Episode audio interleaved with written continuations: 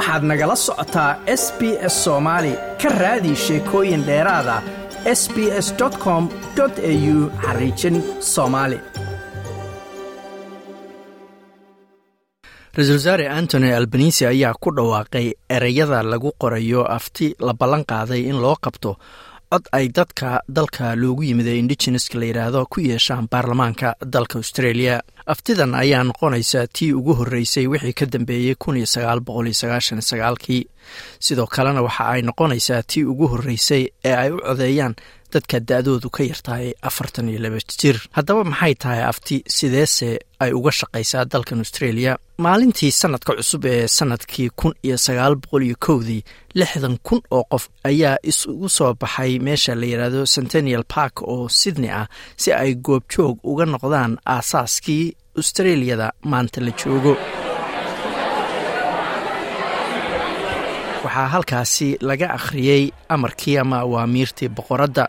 Wasiiradii ayaa la dhaariyey waxaana la riday labaatan iyo kow madfac oo salaan ah. Waxayna ahayd markii lixdii maamul ee awal iskood isu maamulayay britain hoos imaanayay ay ku midoobeen inay noqdaan hal dal oo la yidhaahdo australia. Waxay ahayd aasaaskii shuruucdii sida dalkan cusub loogu xukumayo oo ahaa dastuurka sida uu sharaxayo ku-xigeenka madaxa guddiga doorashada dalkan australia jeff pope. Waxa uu sheegayaa in sida keliya ee wax looga bedeli kara dastuurku ay tahay in afti loo qaado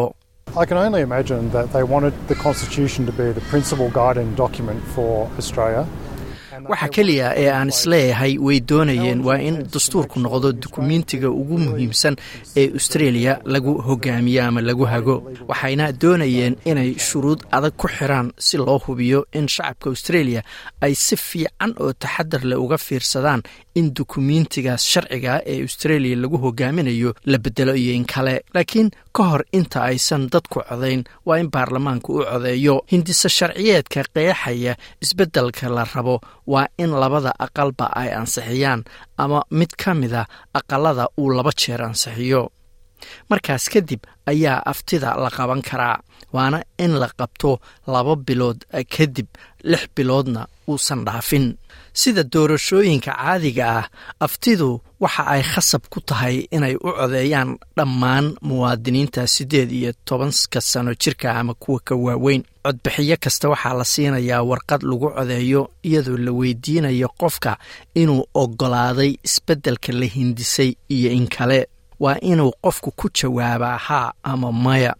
Si aftidu u guulaysato waa inay heshaa laba aqlabiyadood taas oo macnaheedu yahay aqlabiyad codbixiyayaasha guud ee dalka oo dhan iyo aqlabiyadda codbixiyaasha ugu yaraan afar ka mida lixda gobol ee uu dalku ka kooban yahay. Codbixiyayaasha ku nool a c t iyo northern territory waxaa codkooda loo isticmaalayaa oo keliya aqlabiyadda guud ee dalka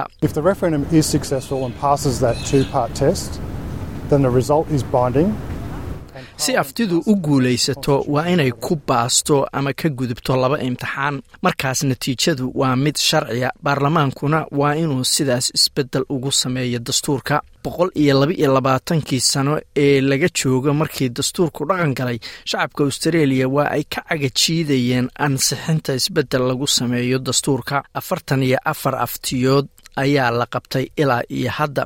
Sideed keliya ayayna shacabku ansixiyeen ama oggolaadeen ma doonaysaa sheekooyinkan oo kale? Ka dhegayso apple podcast google podcast spotify ama meel kasta oo aad bodkastigaaga ka hesho